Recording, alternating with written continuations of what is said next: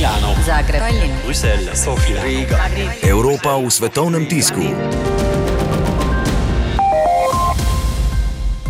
V britanskem The Times pišejo, da so laboristi pod vodstvom Jeremyja Corbyna pripravljeni podpreti nov referendum o članstvu Velike Britanije v Evropski uniji, če bo parlament jutri zavrnil njihov predlog dogovora o brexitu. V ameriškem The New York Times pišejo, da bo morala Velika Britanija kmalo opustiti nadzor nad otočjem Čagos v Indijskem oceanu, glede katerega je že več desetletij v sporu z Mauriciusom.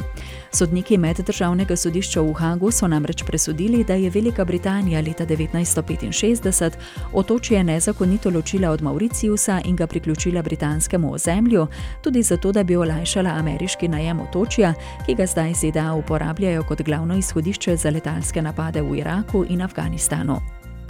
V nemškem Frankfurter Allgemeine Zeitung pišejo, da nemško gospodarstvo, ki je največje v Evropi, slabi, Nemci pa še naprej ostajajo v nakupovalnem razpoloženju.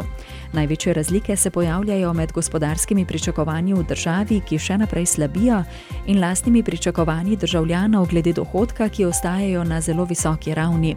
Sicer pa nemške potrošnike vse bolj vznemirjajo tudi trgovinski spori med Evropo, Kitajsko in ZDA, saj bi Nemčija kot močno usmerjeno izvozno gospodarstvo če bi prišlo do trgovinskih ovir, kot so dvigi tarif ali pa tveganj povezanih z brexitom, utrpela negativne gospodarske posledice.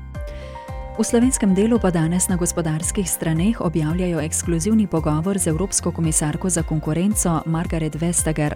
Komisarka, ki slovi kot nepopustljiva borka proti korporacijskim monopolom in davčnim utajam, naložila je kar 14 milijardno kazen velikanu Apple, se je razgovorila tudi o vodenju in nalogah Evropske komisije, omenja se namreč kot kandidatka za njeno predsednico. Zagreb, Tallinn, Bruselj, Sofija, Riga. Evropa v svetovnem tisku.